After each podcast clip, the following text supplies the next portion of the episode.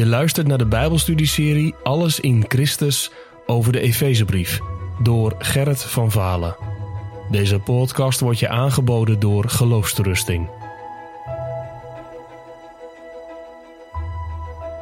Het is al even geleden dat Nelson Mandela op 95-jarige leeftijd is overleden. Velen hebben ervan getuigd dat deze man een bijzondere indruk op hen heeft achtergelaten. Ja, sterker nog, dat hij hen heeft geïnspireerd in hun leven. Kort dan dat eh, Mandela was vrijgelaten in 1990 na een gevangenschap van 27 jaar, kwam hij naar New York. En in die stad mocht Dominic Carter, een politieke televisieverslaggever, hem een interview afnemen. Een van de vragen die hij stelde aan Mandela was deze: Meneer Mandela, na al die jaren van gevangenschap lijkt u niet boos te zijn. Hoe kan dat? Dit gaf Mandela als antwoord. Hij zei: Weet je, als ik me zou hebben boos gemaakt, zou ik hebben toegegeven aan mijn bewakers. Mijn woede zou me hebben vernietigd. Dit antwoord heeft diepe indruk gemaakt op de verslaggever Carter. Hij zei zelfs, hij zei zelfs na afloop: Deze man heeft mijn leven veranderd. Door slechts in de aanwezigheid van Mandela te zijn geweest, is mijn leven werkelijk anders geworden.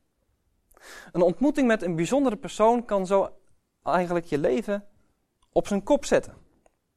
Nou, dat zien we ook in Efeze 4. We zien staan in vers 20 bijvoorbeeld dat Paulus zegt: Maar jullie zijn helemaal anders.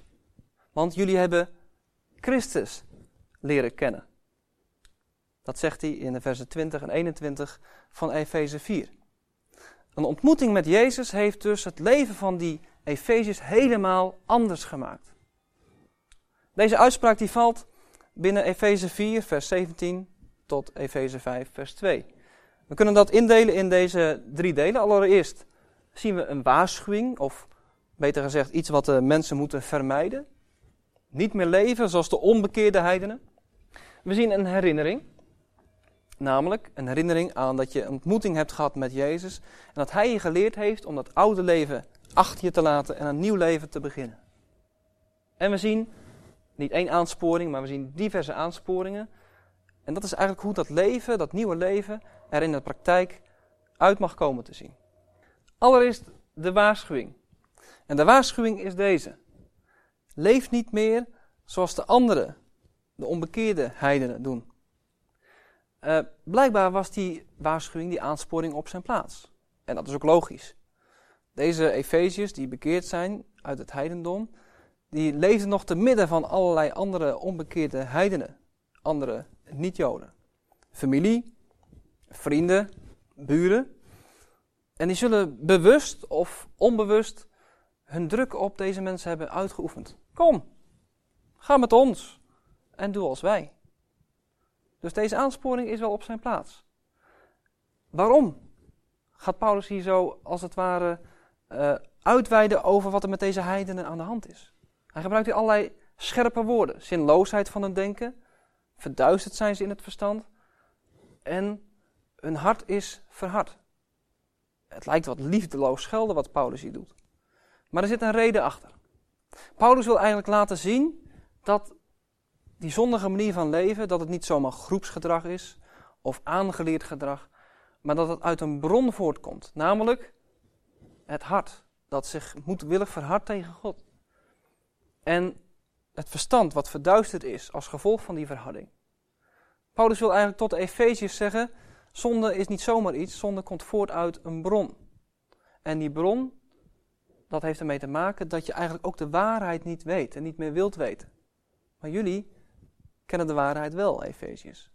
Dus hij wil ze op die manier ook laten zien dat ze een ander leven hebben gekregen dan dit leven.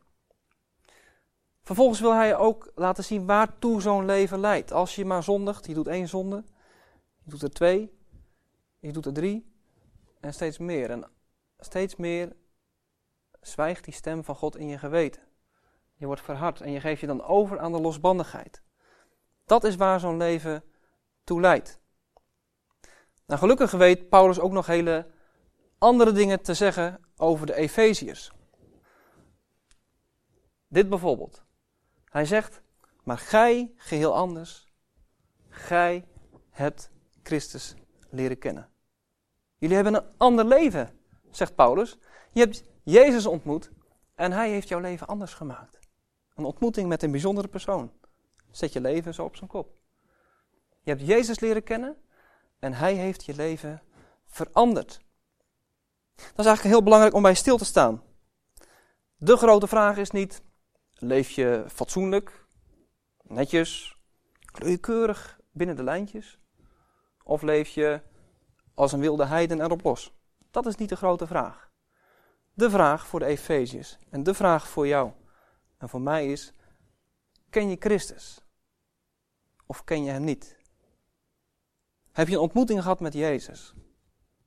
En heb je hem aangenomen als je verlosser en Heer? Of laat je hem links liggen? Dat is de grote vraag. En wie Jezus kent, diens leven wordt van binnenuit helemaal anders. En dat wordt nieuw. Efeziërs die hebben over hem gehoord, daar is Paulus van overtuigd. Die hebben over hem gehoord, die hebben hem zelf ook gehoord in het woord. En die zijn ook helemaal daardoor ingenomen, door die waarheid die in Jezus is. En ze hebben een aantal fundamentele dingen geleerd. En dit is eigenlijk wat ze hebben geleerd. Ze hebben geleerd om die oude mens af te leggen en om die nieuwe mens aan te doen. Nou, wat is dat? Oude mens en nieuwe mens. Dat zijn termen die vaak gebruikt worden. Oude mens, dat is eigenlijk dat oude, zondige leven. Die oude manier van bestaan.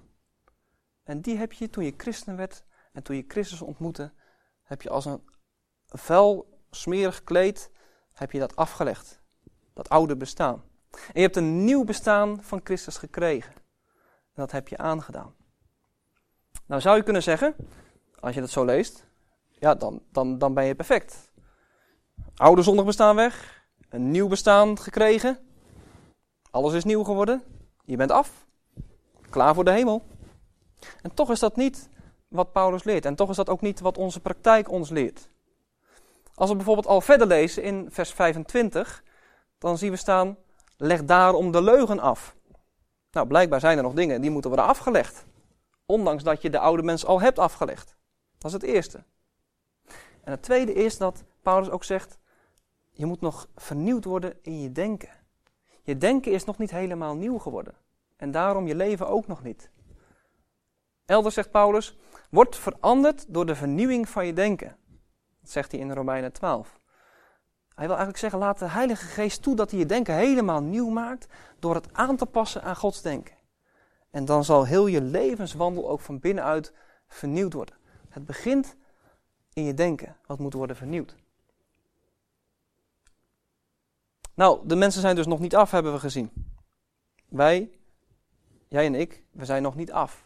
We zijn nog niet perfect. We moeten nog worden aangespoord. En dat doet Paulus ook. En hij doet dat niet zomaar met één aansporing, maar met verschillende aansporingen.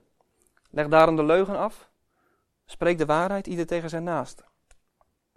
Belangrijk is dat Paulus het doet. Hij wil eigenlijk zeggen: Je hebt het oude leven afgelegd, je hebt een nieuw leven aangedaan. Besef nou heel goed wie je bent. Je bent nieuw geworden in Christus. En net zoals een rijke persoon, iemand die vroeger uh, arm was op straat en één keer ontdekt dat hij toch een rijke prins was, niet meer moet gaan leven als die oude bedelaar, maar een nieuw kleed aan moet doen en moet leven als die prins. Netjes moet eten met vork en mes en niet meer van de grond moet eten met zijn handen. Zo, wordt ook, zo worden ook de Efeziërs opgeroepen en ook wij om te leven volgens wie we zijn geworden. Nieuwe mensen in Jezus Christus. Wees wie je bent. Leg het oude af en doe het nieuwe dan ook aan in de praktijk van je leven. En dan zien we dat na die aansporingen in vers 25 komen er nog een heleboel aansporingen. Het zijn er zo'n 9 à 10 in totaal. Ik kan ze niet elke, elk vers gaan behandelen. Maar elk vers heeft wel ongeveer uh, één aansporing. Ik wil er eigenlijk drie algemene kenmerken uithalen. Allereerst zien we dat het aansporingen zijn tot de gemeente. Het is de gemeente die hier wordt aangesproken. Paulus wil met deze aansporingen ook de gemeente uh, in goede banen leiden. Het gemeenteleven. Hij wil de verhoudingen op elkaar afstemmen. En we zien dat, nogmaals vers 25. Spreek de waarheid, ieder tegen zijn naaste. Wij zijn immers leden van elkaar. Nou zul je het met me eens zijn dat het niet geldt over heel de wereld. Die deelt niet in het lichaam van Christus, maar de gemeente wel. Ander voorbeeld in vers 32. Wees ten opzichte van elkaar. Barmhartig en vriendelijk. En vergeef elkaar. En daarachter staat, zoals God in Christus u vergeven heeft. Ook dat geldt niet voor heel de wereld, maar specifiek voor de gemeente. Een bewijs dus dat Paulus hier specifiek probeert om dat gemeenteleven in goede banen te leiden. Nou, dat wil natuurlijk niet zeggen dat je buiten de gemeente maar uh, wild mag zijn en onvergevingsgezind en dat je tegen iedereen maar mag tonen. Maar het wil wel dit zeggen, dat de gemeente eigenlijk de oefenplaats is voor een heilig leven. In de gemeente moet het allereerst worden beoefend. Als het niet in de gemeente gebeurt, gaat het buiten de gemeente dan wel gebeuren? Kun je je afvragen. Een ander kenmerk bij dit punt is dat je ook kan zien in de versen dat Paulus eigenlijk alle dingen die de eenheid van de gemeente bedreigen, dat hij die afzweert. Liegen, stelen, op elkaar boos zijn, tegen elkaar schelden. Dat zijn dingen die de eenheid bedreigen, de eenheid die door God is gelegd. En de dingen die hij dan juist aanbeveelt, de waarheid spreken, elkaar goede woorden toespreken, elkaar liefhebben, elkaar vergeven, dat zijn juist dingen die de gemeente als gemeente opbouwen, die de eenheid bevorderen. Dat is het eerste kenmerk. Het zijn aansporingen tot de gemeente. Nou, het tweede kenmerk is eigenlijk ook heel mooi. Paulus die spreekt met twee woorden. En daar hebben we nogmaals vers 25, de leugen afleggen, de waarheid spreken. Vers 29, geen vuile taal uit je mond, maar juist goede taal, nuttige woorden die een ander kunnen opbouwen. Vanuit de genade die je zelf hebt gekregen, ook genadig zijn voor anderen met je woorden. Paulus spreekt met twee woorden. En waarom is dat nu zo belangrijk? Nou, er zijn mensen die vatten het christelijk geloof op en het christenleven met name als iets van je moet dingen, een heleboel dingen mag je niet doen. Je moet een heleboel dingen laten. Je moet wegblijven van het kwade. En daar stopt het voor hen. Paulus vult het eigenlijk op een hele goede manier aan. Hij corrigeert dat beeld. Dit is het christenleven, zegt Paulus. Het is het kwade laten, jazeker. Er zijn dingen die je niet meer moet doen. Maar dat betekent ook het goede doen. Je toeleggen op het goede voor de ander. Denk aan Jezus zelf. Was Jezus Jezus omdat hij maar op een stoeltje zat, terwijl hij ver bleef van het kwade? Nee, hij was de Christus. Hij was goed, omdat hij rondtrok terwijl hij goed deed. Hij deed allebei. Bleef af van het kwade, maar hij richtte zich op het goede. En dat is het christenleven. In navolging van Jezus mogen wij het goede doen. Dat is heilig leven, dat je je toelegt op het doen van de goede dingen. Die je mag doen in navolging van de heiland. Derde algemene kenmerk, als je dit gedeelte gaat lezen, zal je misschien wel opvallen dat er twee machten worden genoemd. De eerste macht is de duivel. Geef de duivel geen plaats, zegt Paulus. Dat zou je kunnen doen wanneer je op een zondige manier boos wordt. Dan krijgt de duivel de kans om de eenheid en de harmonie in de gemeente te verstoren. Hij noemt nog een tweede macht. Een goede macht. De Heilige Geest. Hij zegt, bedroef de Heilige Geest van God niet. En dat zou je kunnen doen, dat bedroeven, door vuile taal te spreken. Of door op elkaar boos te worden, of te lasteren, te schreeuwen enzovoort. Dan wordt de Heilige Geest bedroefd. En natuurlijk niet alleen met deze zonde, maar eigenlijk met elke andere zonde ook. Het is alsof Paulus wil zeggen met die twee machten, door ze zo tegen me over elkaar te stellen en dichtbij, wil hij eigenlijk zeggen, bedenk welk invloed jouw gedrag heeft. Wil je dat jouw gedrag ertoe leidt dat de duivel meer ruimte krijgt in je leven en in de gemeente en dat je de Heilige Geest bedroeft? Is dat wat je wil? Of wil je dat de duivel geweerd blijft? Dat hij geen voet tussen de deur krijgt? en dat de Heilige Geest verblijd raakt. Besef, jouw leven staat eigenlijk tussen twee machten in. En het is niet om het even wat je doet. Het heeft invloed op wie je de ruimte geeft. En dan sluit Paulus af dit stukje in vers 1. Hij zegt: Wees navolgers van God. Nou, als je een definitie wil hebben van heilig leven die kort is, dan heb je hier een definitie. navolger zijn van God. En hij geeft er eigenlijk ook een motivering achter, omdat je kinderen van hem bent. Nou, welk kind dat in een gezonde relatie tot zijn vader staat, wil nu niet op zijn vader lijken. Dat is toch elk kind. Daar staat ook wat bij. Als geliefde kinderen. We zijn geliefd, geliefd. Diep geliefd door God. Hij heeft zijn zoon voor ons overgegeven. Besef dat. En als je dat goed beseft en op je in laat werken, dan roept dat ook wederliefde op tot God.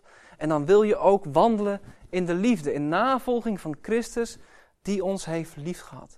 De Efeziërs, maar ook ons heeft hij zo diep lief gehad. En zichzelf tot in de dood overgegeven.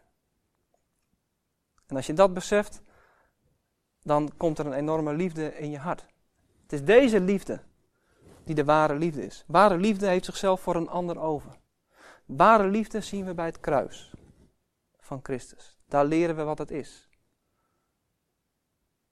En over de verharding van je hart gesproken, deze liefde maakt je hart zacht en verbroken. Over een verduisterd verstand gesproken. Deze liefde leert je wat liefde is. Hij vernieuwt je denken. En deze liefde wekt in ons hart ook een liefde op om anderen ook met die liefde te bereiken. Mocht je nog te kamp hebben met dat oude leven, mocht je het moeilijk vinden, die wereld met al zijn verleidingen en zijn verlangens die je probeert van de waarheid in Jezus af te trekken. Mocht je een strijd hebben met die listige duivel die probeert een voetje tussen de deur te krijgen. Als dat allemaal zo is, laat dan dit prachtige lied op je inwerken. En breng het in praktijk. Richt je ogen op Jezus. En zie zijn verheven gezicht. Wat de wereld je aanbiedt, verliest dan zijn glans. Het verbleekt bij dit hemelse licht.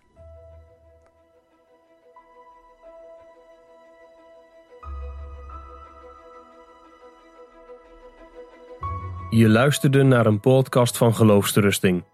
Wil je meer luisteren, lezen of bekijken? Steun dan onze missie en ga naar de website geloofsterusting.nl.